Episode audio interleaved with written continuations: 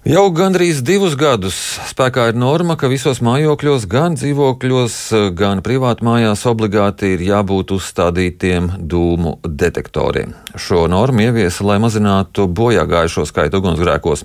Taču, lūkojoties uz skaitļiem, redzams, ka šobrīd tas šķiet nav līdzējis. Bojā gājušo skaits joprojām ir nemainīgi liels, un par to kā arī vai šobrīd palielinās ugunsgrēku skaits līdz ar apkuras sezonas sākšanu. Uz sarunu esam aicinājuši ugunsdzēsības un glābšanas dienesta priekšnieka vietnieku Mārtiņu Baltmani. Labrīt! Labrīt! Cik lielā mērā ugunsdzēsēji jūt savā darbā, ka sākusies apkuras sezona vai ka sākusies elektrisko sildītāju lietošana? Nu, parādās tie izsaukumi, kas ir saistīti ar nu, dažādu nepareizu elektroierīču lietošanu un, protams, arī ar apkuras ierīču, nu, teiksim, dūmvada degšanu, sodrē degšanu. Tas vienkārši tas skaits palielinās.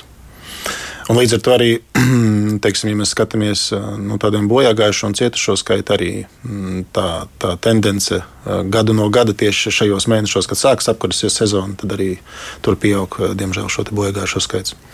Šobrīd Nu, šobrīd pēdējās trīs nedēļas mēs nevaram teikt, ka ir pieaudzis, bet, nu, diemžēl, šonakt jā, bija viens traģisks gadījums ugunsgrēkā, kur piecstāv dzīvojamā mājā aizgāja bojā cilvēks. Tas ir Rīgā. Rīgā jā. Mm -hmm. Bet tur vēl nav zināms, vai tas ir saistīts ar elektroenerģiju lietošanu, ar apkuri vai kā. Nu, tur nav zināms. Principā mēs pie sevis tikai nu, 9 no rīta šodien tur, kā saka, radiosakaru apmaiņā to, to informāciju iegūsim, bet pēc tam jau arī tālāk valsts policija veiks izmeklēšanu.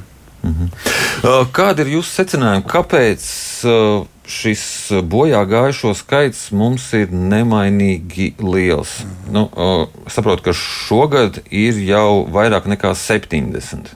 Nu, 71. Iepriekš, jā. jā, 71. Tas ir dēļ tā, tā aizvadītās nakts. Pagājušajā gadā 83. Mums priekšā vēl ir trīs mēneši faktiski, un izstāsta, ka mēs pārspēsim aizvadīt to gadu, ja tā turpināsies.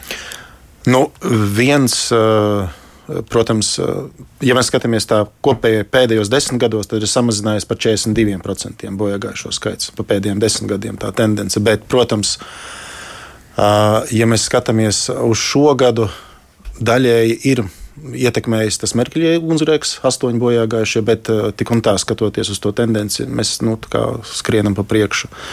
Un tur es varētu sadalīt, nu, varbūt nezinu, kā, nu, četrās grupās teiksim, cilvēkus vispār kopumā, ja mēs skatāmies. E, viena ir grupa, teiksim, kas ievēro šos ugunsdrošības uh, pasākumus. Un, un, un attiecīgi, teiksim, nu, izpilda visu to, kas, ko nosaka normatīva akti. Otra grupa ir teiksim, tādi, kas grib ievērot, viņi uzskata, ka tas ir svarīgi, bet tomēr uh, beigās, nu, teiksim, uzdodot jautājumu, vai vajag dūmu detektoru, vai vajag apkuras ierīci tīrīt, viņi saka, jā, vai jūs to esat izdarījis? Es, nu, es to neesmu izdarījis. Jā, un tad uh, biežāk tas attaisnojums ir, ka nav laika. Un tad ir vieni tādi, kas uh, vienkārši neievēro nekādus drošības noteikumus, arī ja mēs redzam tā ikdienā uz ceļa. Un tad pēdējais, tas sociālais-ekonomiskais faktors, tomēr, ka viņiem nav rocības īstenībā sakārtot ugunsdrošību. Un to, teiksim, profilējot, mēs profilējot tā, to nu, bojāgājušo skaitu, mēs ļoti redzam to sociālo-ekonomisko faktoru īstenībā pie bojāgājušiem. Vai nu tas ir vecāka gadagājuma cilvēks, kas dzīvo viens vai pat ir tādi gadījumi, kur ir vecs gada gājuma cilvēks. Nu, piemēram, mums virs 65 gadiem ir 48% bojā gājušie. Tāpēc mums, piemēram, arī tagad nesen mēs izlaidām, mums ir senioru mēnesis. Tas jau mums trīs gadi turpinās, kur mēs tieši uzrunājam seniorus. Ja, un it īpaši vientuļos seniorus un aicinām arī radiniekus, kas viņiem ir parūpēties, padomāt, teiksim, nu, vai viņam, piemēram, ir tā apkuras ierīce savest kārtībā vai, vai pārunāt, kā pareizi lietot elektroenerģijas un, un, un, un tā tālāk. Un, un e, vienkārši profilējot šos bojā gājušos, mēs nu, tiešām redzam to sociālo-ekonomisko faktoru, kur bieži vien vienkārši cilvēkam nav rocības īstenībā sakārtot. Tāpēc mēs esam arī sākuši tādu vēl vienu iniciatīvu, tieši mērķēti strādāt uz e, mazaizsargātajiem, jeb šim, šiem cilvēkiem, kam ir trūcīgā vai mazaizsargātā status kopā ar Labklājības ministriju pašvaldībām, e, tieši veicot aptauju konsultāciju pie viņiem mājokļos. Nevis pārbaudi, bet aptauju konsultāciju ar izdales materiāliem un nu, cik nu, mums tā rocība atļauj pašiem arī ar dūmu detektoru uzstādīšanu. Jo, nu, vienkārši no tiem datiem, kas mums ir tagad pieejami. Mēs tur redzam, nu, paši tādu... uzstādītu dūmu detektorus. Nu, tur, tā nu, jā, jā, tāda mums tā doma ir. Manuprāt, kad ievies šo normu, kaut ko līdzīgu jau jūs darījāt, ne tik lielos varbūt apmēros, tad tas būs plašāk. Uh, nu, mēs darījām dažādos konkursos un, un, un dažādās tādās lietās, bet ne, ne ļoti plašā apmērā. Bet uh, tagad mēs gribam tieši mērķiecīgi uz šīm mazaisargātajām personām. Cik lielā apjomā tas varētu notikt? Nu, mēs skatīsimies, pagaidām mums ir uh, piecas, sešas pašvaldības, kas ir piekritušas nu, tādam pilotprojektam, teiksim, jā, kur, uh, kur, kur piedalīsies. Uh, nu, šobrīd mēs skatāmies nu, vismaz. Un, un, nu, tur ir atkal datu aizsardzības saka, jautājums, jo uh, valstī ir tāda datubāze, bet nu, mums ir jānoslēdz sadarbības līgums ar attiecīgo pašvaldību, lai mēs pie tiem datiem varētu klūt, kļūt, piekļūt. Jo skaidrs, ka mēs ar saviem resursiem pie katra nevaram aiziet, tāpēc mēs izvēlamies to mērķēto teiksim, prevencijas darbu. Kopumā tādi valstī ir aptuveni nu, 100 tūkstoši iedzīvotāji. Aptuveni. Cik nu, mums no tās sistēmas saka, ir. Un tad, nu, sākot ar šīm piecām pašvaldībām, ka tas pilotprojekts jau mums, nu, teiksim, izvērtīsies, redzēsim, kādas ir tās atsauksmes un vai kaut kas varbūt ir uzlabojis. Jāsaka, ka arī mēs esam nu, teiksim, pilotprojektā iekļaujuši Rīgu jūrmalu, kur ir nu, arī liela, salīdzinoši liels skaits šo manis pieminēto mēru grupu. Kā, Cik daudz naudas jūs atvēlēsiet tam šobrīd? No nu, šobrīd uh, mēs esam sagatavojuši izdales materiālus. Nu, tur mums, uh, ja nemaldos, bija kaut kādi 50, 70 tūkstoši tieši izdevuma materiāliem, kas ir jāievēro ugunsdrošībā. Un dūmu detektoriem. Un dūmu detektoriem, ja nemaldos, 10 tūkstoši, kas mums ir ko mēs varam atvēlēt. Tas ir šī projekta Jā, ietvaros. Pilotprojekta ietvaros. Pēc tam jums ir resursi arī, ja turpināt kaut kur citās pašvaldībās. Tad, lai... nu, ir pašvaldības atsevišķas, kuras to jau ir darījušas. Nu, tad, kad mēs, sākām, jā, tad, kad mēs sākām interesēties par šo te, nu, iespējamību, vai kad mēs sapratām, ka tā ir tā mērķa, par ko var strādāt, tad, nu, piemēram, izrādījās, ka Valmiera to ir darījusi. Un pēdējos četros gados, trijos gados Valmierā nav neviena bojāgājušā. Ja? Kā, nu, es negribu teikt, ka tā ir korelācija ar, ar, to, to, in, nu, teiksim, ar to iniciatīvu, ko mēs gribam uzsākt. Bet, bet manuprāt, nu, ņemot vērā visus datus, kas mums ir pašiem pieejami un to, ko mēs uzzinām no pašvaldībām, mums ir ļoti nu, augsta iespējamība saprast, ka tas varētu būt tas virziens, uz kuru mums jāstrādā vēl vairāk. Protams, nu, ne, ne, neizmirstot par pārējām mērķgrupām, kas mums ir viennozīmīgi arī jaunieši un, un seniori kā tādi vispār. Eh, laikā, kad šī norma eh, stājās spēkā, vai kad tūlīt viņa stāsies spēkā no ugunsdzēsības un glābšanas dienesta, izskanēja, ka ugunsdzēsēji neies pārbaudīt, vai uzstādīti šie detektori. Bet varbūt tagad vajag? Eh, tur, kur ir iesniegumi, tur mēs ejam un pārbaudām, bet es gribēju teikt, ka redziet, mm, detektors nenovērsīs ugunsgrēku. Un, ja mēs skatāmies no iemesliem, tiem, kāpēc notiek ugunsgrēki, tad principā 60% gadījumos tā ir neuzmanīga rīcība ar uguni vispār kā tādu, un tad mums aiziet apkura un, un elektroierīces. Tie ir nākošie divi. Un līdz ar to, nu, teiksim tā. Bet detektors var novērst šo lielo bojāgājušo skaitu. Lielais bojāgājušo skaits taču Nav no neuzmanīgas rīcības ar uguni. Bet bieži vien atkal no ugunsgrēkiem kas notiek? Detektors ir, bet viņš nav uzstādīts, vai viņš ir nolikts plauktā, vai ir baterija, nu, tā krona izņemta ārā. Ja, teiksim. un, kā jau teicu, ir 800 60 tūkstoši māj, mājsaimniecību vispār Latvijā. Ir skaidrs, ka mēs pie visiem nevarēsim aiziet. Tas ir viennozīmīgi. Mums ir 69 inspektori. Teiksim, ja? nu, tāpēc mēs izvēlamies to mērķiecīgo, nu, to, ko es jau minēju. Nu, tieši pie tiem iet, kur mēs redzam, ka nu, tur ir tā vislielākais risks vienkārši, ka, ka tur aiziet bojā cilvēki.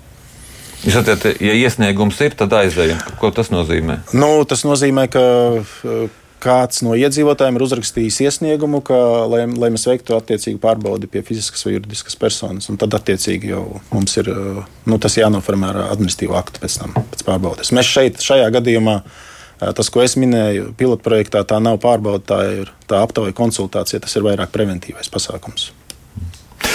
Merķeļa ielas ugunsgrēks tas bija šogad lielākais, traģiskākais? Noteikti traģiskākais, jā. Mm. Nu, Es domāju, no bojāgājušā viedokļa. Tagad līdzīgās iestādēs ir veiktas pārbaudes un tādas problēmas ir novērstas?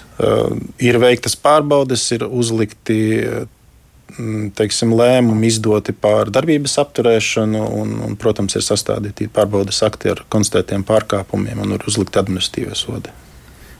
Ir likts pārtraukt darbību arī. Jā, Cik daudz jā. iestādēm tādām? Tas bija gada pirmajā pusē. Es baidīšos samelot, man liekas, divas vai trīs bija. Mm -hmm.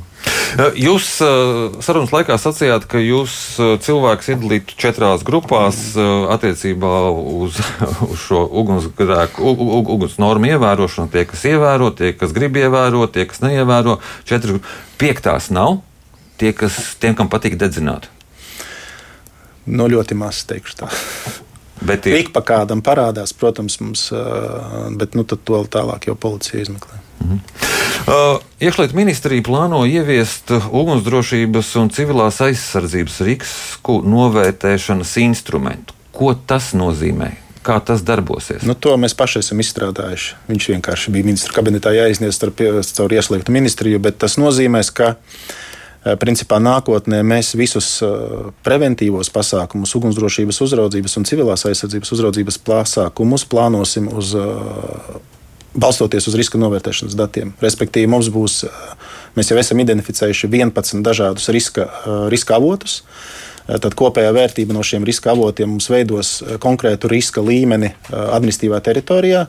Un divi no šiem riska avotiem mums veidos riska līmeni objektos. Tas būs pašdeklarēšanās sistēma, kas pirmajā etapā ļaus saprast konkrēto ugunsdrošības riska līmeni objektā. Un tad no kopējām nu, teiksim, veiktām pašdeklarācijām tas būs viens no elementiem riska novērtēšanā, lai saprastu administratīvā teritorijā, kāds ir riska līmenis.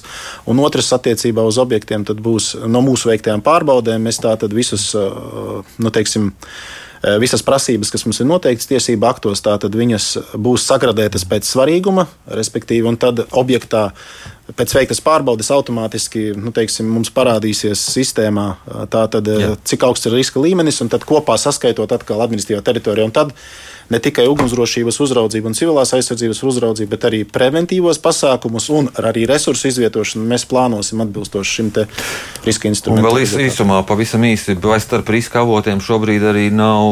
Uh, ugunsdzēsības darbinieki, kas ir nevakcinēti. Jums saprot, nedaudz virs puses ir vakcinēti, un ja tagad tik daudz ir nevakcinēti, būs kaut kāds lēmums jāpieņem, kas ar viņiem notiek.